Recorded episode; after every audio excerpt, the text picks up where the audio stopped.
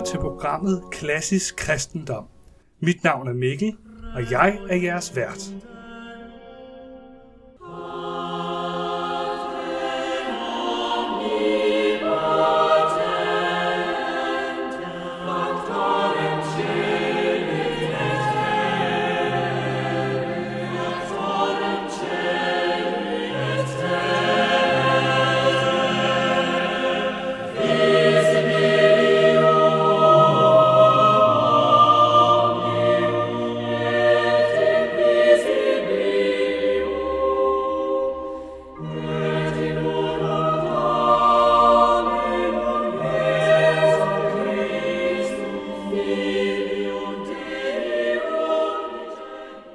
Velkommen til episode 7 af Klassisk Kristendom.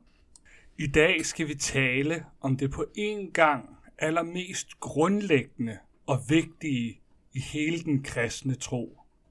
Vi skal nemlig tale om Gud og hvad det vil sige, at Gud er treenig. Ordet treenigheden bliver ofte brugt, men jeg tror, at mange egentlig har en måske kun lille forståelse for, hvad der egentlig menes med ordet treenigheden, eller den treenige Gud.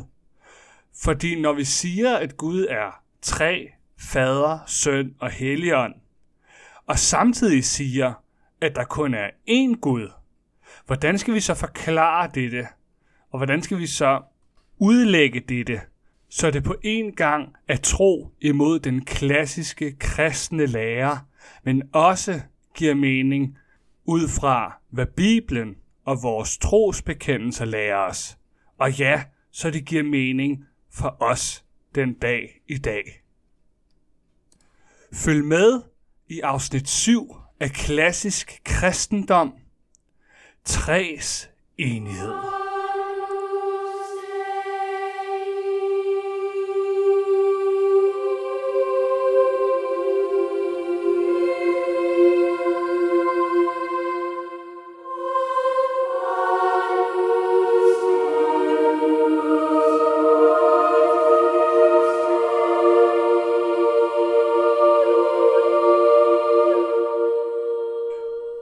Dag skal vi tale om treenigheden, som er det helt grundlæggende fundament for den kristne tro.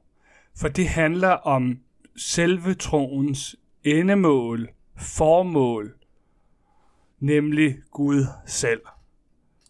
Men dette emne kan jo også utrolig let blive abstrakt, højtflyvende og svært forståeligt.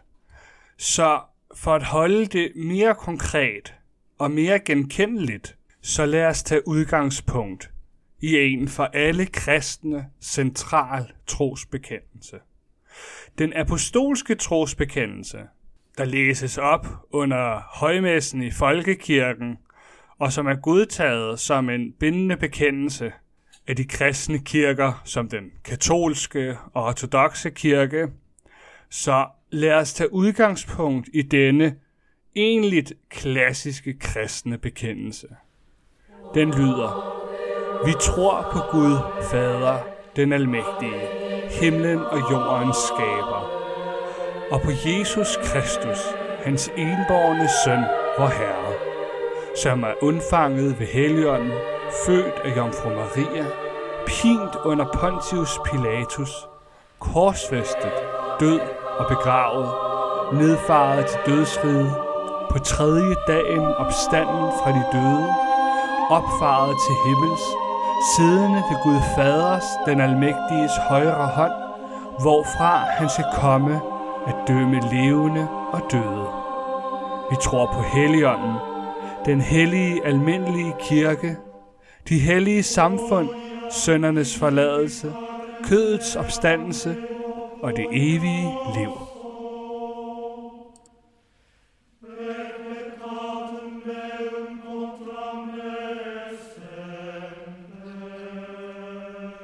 Og man har hørt den bekendelse en gang eller utallige gange før, ændrer ikke på, hvor betydningsmættet disse få sætninger egentlig er.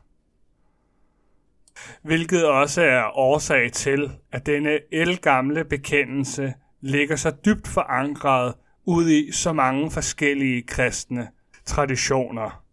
For den er i sandheden apostolsk, det vil sige fra apostlene, de 12 mænd, Jesu valgte til at hjælpe og udbrede evangeliet.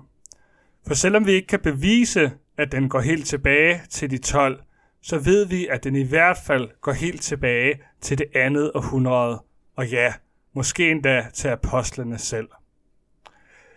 Bekendelsen består af tre led, eller tre artikler. Den første artikel starter med, vi tror på Gud Faderen, den almægtige. Derefter anden artikel, og på Jesus Kristus, hans enborgne søn, vor Herre. Og dernæst tredje artikel, vi tror på Helligånden, den hellige almindelige kirke.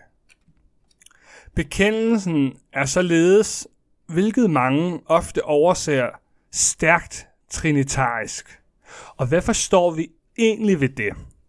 Ved ordet trinitet, treenighed, trefoldighed, trinitarisk, treenigt osv., der mener vi bare tres enighed.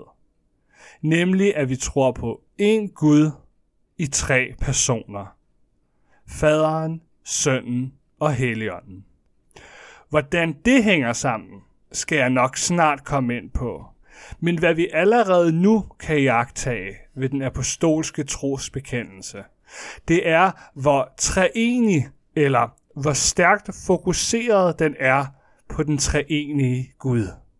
Bekendelsens tre artikler er nemlig videt eller tiltalt til hver person i treenigheden. Første artikel til Gud Faderen, anden artikel til Gud Sønnen og tredje artikel til Gud Helligånden.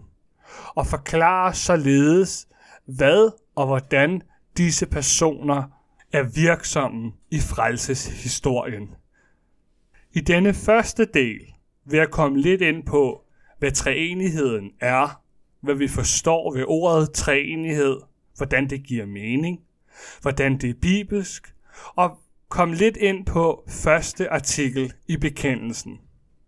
Så må vi tage sønnen og helligånden og helligåndens gerninger i kirken og i os i næste del af afsnittet om træs enighed. Så lad os gribe fat i det allermest centrale, nemlig selve treenigheden. Ordet treenighed er en sammensætning af ordet træ og enighed. Og med enighed skal ikke kun forstås, at de er enige, altså af samme vilje, samme ønske, samme overbevisning. Der skal også forstås i ordet enighed, at de sandelig er enige, altså en. Så ved ordet treenighed forstår vi den enhed, der er imellem fader, søn og helligånd. Men hvad består denne enhed så af, er jo et yderst relevant spørgsmål at stille. Jo, enheden er af natur eller væsen. Og hvad mener vi med det? Jo, i de to afsnit om inkarnationen, altså at Gud blev menneske, at Kristus, det vil sige den anden person i treenighed, nemlig sønnen, blev menneske, der talte vi jo netop om, hvordan at han påtog sig en menneskelig natur. Men hvad mener vi egentlig helt grundlæggende ved ordet natur? Det er jo et abstrakt og filosofisk begreb. Natur kaldes også substans. Det er latin og kommer af substantia, det vil sige det, der står under. Sub er ligesom submarine, en ubåd, altså noget, der er under vandet, sub, mare, og således kan ordet substans også hjælpe med at forklare det. Det er nemlig intet andet end den underliggende egenskab, der gør noget til, hvad det er. Lad os tage et eksempel. Når vi taler om et menneske, så mener vi, at det er fordi, at den person, vi taler om, har den underliggende egenskab eller karakteristika at være et menneske. Det er simpelthen det understående element, der gør noget til, hvad det er. For uanset om vi har en lille bitte dukkestol, som et menneske aldrig nogensinde vil kunne sidde på, om vi har en lænestol, spisebordstol, ja, endda en trone, så erfarer vi intuitivt, at alle disse stole jo netop er stole. Også selvom man ikke engang kunne sidde på den lille dukkestol.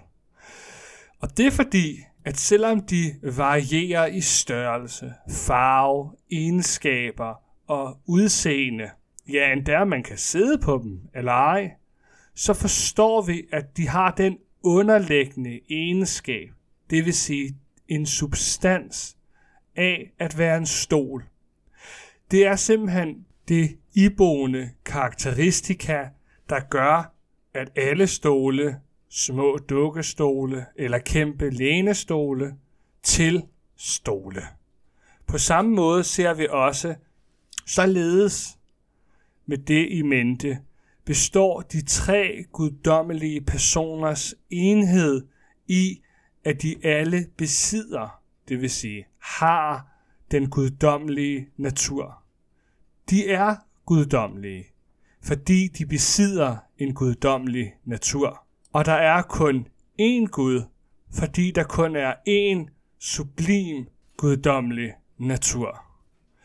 Kirkefaderen fra Nordafrika skrev allerede i det andet århundrede om denne virkelighed. Tertullian, som han hed, skrev imod en kætter ved navn Prexas, at dette kætteri, som antager selv at have den rene sandhed, i det den mener, at man ikke kan tro på en Gud på nogen som helst anden måde, end at sige, at faderen, sønnen og helligånden er den selv samme person.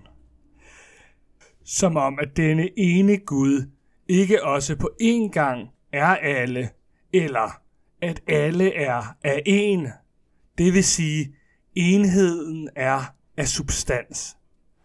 Og selvom denne delingsmysterium stadigvæk er bevogtet, nemlig hvordan enheden udgår ud i treenighed, således forklarer vi enheden som treenighed, som i rækkefølgen af de tre personer er faderen, sønnen og helligånden. Tre dog ikke i tilstand, men i position. Ikke i substans, men i skikkelse. Ikke i magt, men i aspekt. Dog er de af én substans, af én tilstand, af én magt, i det at Gud er én Gud, af hvem disse instanser og skikkelser og aspekter har navnet Faderen, Sønnen og Helligånden. Citat slut. Her griber Tertullian fat i den centrale bibelske sandhed, nemlig at der er én Gud, et guddommeligt væsen, en guddommelig natur eller substans, og at denne deles af tre personer. Deres forskel er ikke i substans eller i væsen, for de er alle sammen Gud, men den er i position, i aspekt, i tilstand, og ikke er magt eller substans, fordi her i ligger enheden. Puha, nu har vi lagt det hårde grundarbejde, der gør, at vi langt lettere kan forstå det centrale udsagn i bekendelsen. For den apostolske trosbekendelse er stærkt trinitarisk, eller treenig, som sagt. For læg mærke til, hvordan at dens første artikel siger, vi tror på Gud, faderen, og den anden artikel nævner, og på Jesus Kristus, hans enborgne søn, vor Herre. Personerne i guddommen, det vil sige treenigheden, bliver nemlig forstået relationelt, det vil sige i forhold til hinanden. Gud er nemlig fader, fordi han har en søn, Kristus. Og således må sønnen jo netop også være en guddommelig person, for en far kan ikke bære, ja, det vil sige et gammelt ord for afle, altså få et barn. Ja, en far kan ikke få et barn af en anden natur af et andet væsen end sig selv. Mennesker føder kun mennesker. Mus føder mus, katte, katte og bier, bier. Altså, hvis Gud vidderligt er faderen, og Kristus vidderligt er sønnen, der er de begge guddommelige personer. Og den tredje artikel, vi tror på Helligånden, er der netop også den tredje person i træenigheden. Helligånden bliver med god rette ofte omtalt som træenighedens glemte person, og derfor skal næste del handle om ham. Så derfor gemmer vi ham til senere. Men denne treenighedslære, som Tertullian nævnte i sit værk, er også en klar og tydelig bibelsk lære. Således siger Jesus da også i Johannes evangelie kapitel 10, vers 30, at faderen og jeg er ét. Her betegner han jo netop den enhed af natur, der er. For når faderen og sønnen er ét, er det jo tydeligt, at det er naturen, som de deler, men at de er person af to, nemlig fader og søn. Der er således to subjekter, eller to personer, hvis enhed er den guddommelige natur. Tænk på det således. Ved enhed forstås den ene guddommelige natur, og ved tre forstås de tre personer. Ved denne nyttige, korte opsummering undgår vi de forskellige fælder og, og misforståelser, som mange ofte har om treenigheden. Nemlig, at der på en eller anden måde skulle være tre guder, hvilket er forkert, da der kun er én guddommelig natur. Eller på den anden side, at Gud kun skulle være én person, som muslimerne og jøderne tror på. Det er også forkert, for Gud er tre personer med én natur. Således taler Gud også selv om Jesus i Hebræerbrevet kapitel 1, vers 8-9, hvor faderen siger, citat, Men til sønnen, din trone, å Gud, står til evig tid. Dit kongescepter er retfærdighedens scepter. Du elskede ret og hadet uret. Derfor har Gud, din Gud, salvet dig. Citat slut. Helligånden, træenighedens tredje person, må der heller ikke glemmes. For Jesus lover os selv i Johannes evangeliet kapitel 16, at han vil sende en talsmand, altså ikke en immateriel kraft eller energi eller noget upersonligt, men en talsmand, en parakletos på græsk. En, der vil gå i forsvar for os, en, der vil gå i forbøn for os, bede for os, høre os. Det nævner Paulus også i Romerbrevet kapitel 8, vers 26 og 27.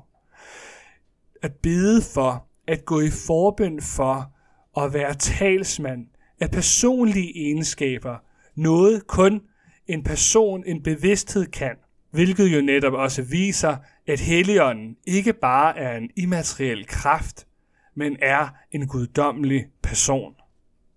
Det vil vi uddybe og komme meget mere ind på i det senere afsnit omkring Helligånden. Men lad det for nu være nok at sige, at den ene Gud, som vi bekender, er en af natur og tre af person.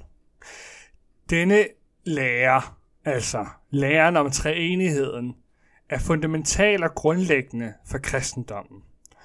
Men den findes der også ude i hele Bibelen, bevidnet både fra det gamle testamente og ind til det nye. For på første side, i første kapitel, i første vers af Bibelen, læser vi da, i begyndelsen skabte Gud himlen og jorden. Jorden var dengang tomhed og øde, og der var mørke over urdybet, og Guds ånd svævede over vandene. Gud sagde, der skal være lys, og der blev lys. Allerede her, i de første tre kapitler, ser vi, at der i vers 1 nævnes, at Gud skabte himlen og jorden, at der i vers 2 nævnes, at Guds ånd svævede over vandene, og at der i vers 3 nævnes, at Guds ord, der skal være lys, skabte lyset. Altså har vi faderen i vers 1, helligånden i vers 2, og ordet, som vi kender det fra Johannes evangeliet, ordet, der tog kød og blev menneske blandt os, er i vers 3. Træenigheden er således ikke blot et nytestamentligt fænomen, men er allerede foregrebet i det gamle testamente. I 1. Mosebog kapitel 18 læser vi også den interessante fortælling om Herrens besøg hos Abraham. For der står nemlig i kapitel 18, vers 1, En gang viste Herren sig ved Mamres ege for Abraham, mens han sad i teltåbningen på den varmeste tid af døgnet. Han så op og fik øje på tre mænd, som stod der. Og da han så dem, løb han dem i møde fra teltåbningen og kastede sig til jorden for dem.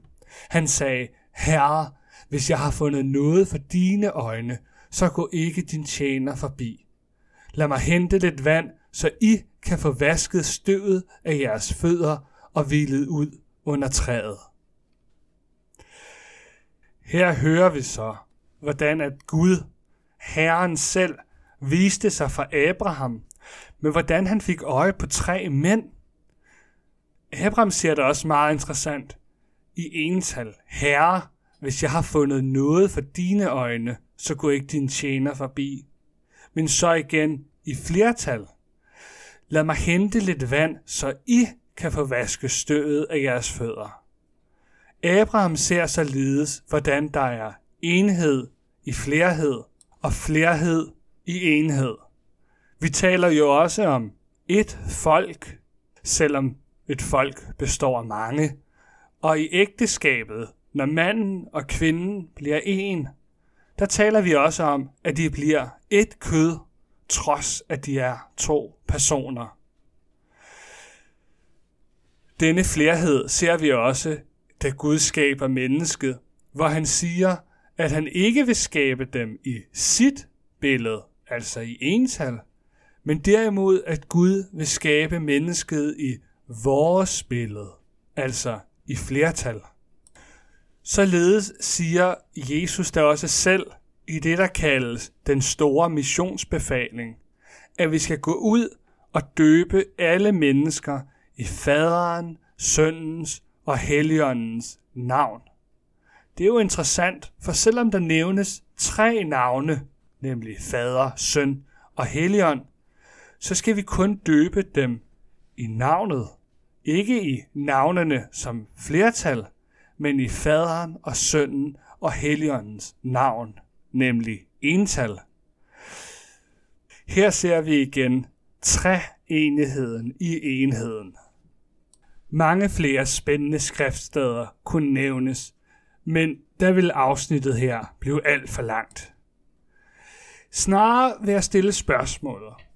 Er det overhovedet vigtigt at anerkende træenigheden?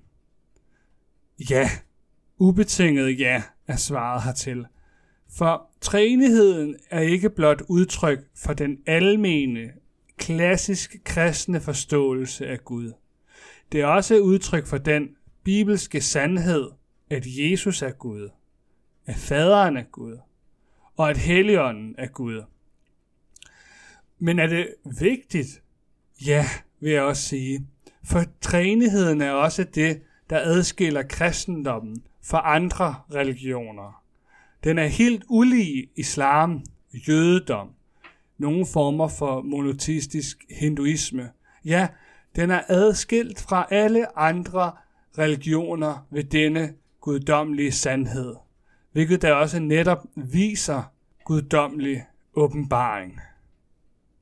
Træenigheden er også vigtig, fordi den viser os nødvendigheden af fællesskab som begrundet i selve Gud. Og træenighedslæren forklarer os, hvordan Gud med apostlen Johannes ord fra 1. Johannes brev, at Gud er kærlighed. For Gud kan jo netop kun være kærlighed i det, Gud er personlig. For før skabelsen, før Gud havde skabt himlen og jorden, før der eksisterede nogen som helst andre ting end Gud selv, der fandtes Gud i et evigt hengivende, uselvisk, perfekt og harmonisk kærlighedsforhold. For Gud er kærlighed. Gud er derfor også det underskønne udgangspunkt for al kærlighed mellem de tre guddommelige personer. Denne indsigt gør også Gud uafhængig af skabelsen. Gud behøvede ikke at skabe noget for at elske, for der eksisterede allerede tre guddommelige personer i et perfekt, hengivende forhold til hinanden. Nej, Gud havde ikke behov eller nødvendighed for at skabe. Dette står i modsætning til for eksempel islam, hvor man bekender, at Gud kun er én person. En sådan Gud vil ikke kun være al kærlig, for før skabelsen, dengang Allah eksisterede alene uden noget andet, var der intet at elske. Ja, der eksisterede Allah alene, og kunne derfor ikke være al kærlig, da kærlighed jo er nødvendigvis forholdet mellem en selv og noget andet. Treenigheden løser dette og ophøjer Gud til at være en fri skaber, der skabte af overskud og af lyst. Jesus sagde da også, at ingen kærlighed er større end at give sig i døden for den, man elsker. Og hvis Gud måtte kunne besidde denne maksimale kærlighed, der måtte han jo netop kunne dø for den, han elsker. Og hvad ser vi da netop, at sønnen, den anden guddommelige person i træenigheden, frivilligt vælger at lade sig gå i døden for os.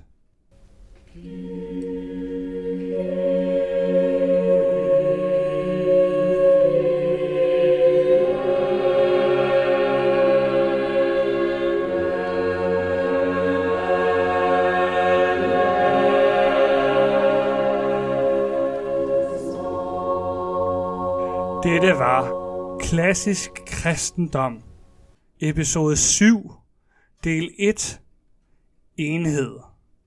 Her forsøgte jeg at give et kort oprids og overblik over læren om træenigheden.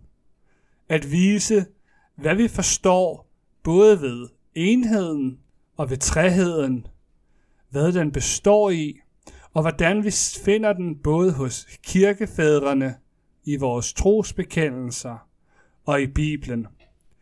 I næste afsnit vil vi kigge mere på træheden og tale om de tre guddommelige personer, deres rolle og forhold til hinanden, og i særdeleshed udlægge og forklare, hvad Helligåndens rolle er, hvem man med rette omtaler som treenighedens glemte person. Jeg vil også takke til den lytter af programmet, der valgte at stille spørgsmålet, om vi ikke godt kunne drøfte Helligåndens rolle, hvem han er, og hvad forskel det egentlig gør. Så mange tak for spørgsmålet, og husk, alle I andre, alle spørgsmål kan sendes til vores Facebook-side Klassisk Kristendom, eller på mail klassisk kristendom gmail.com og indtil næste gang, Guds fred.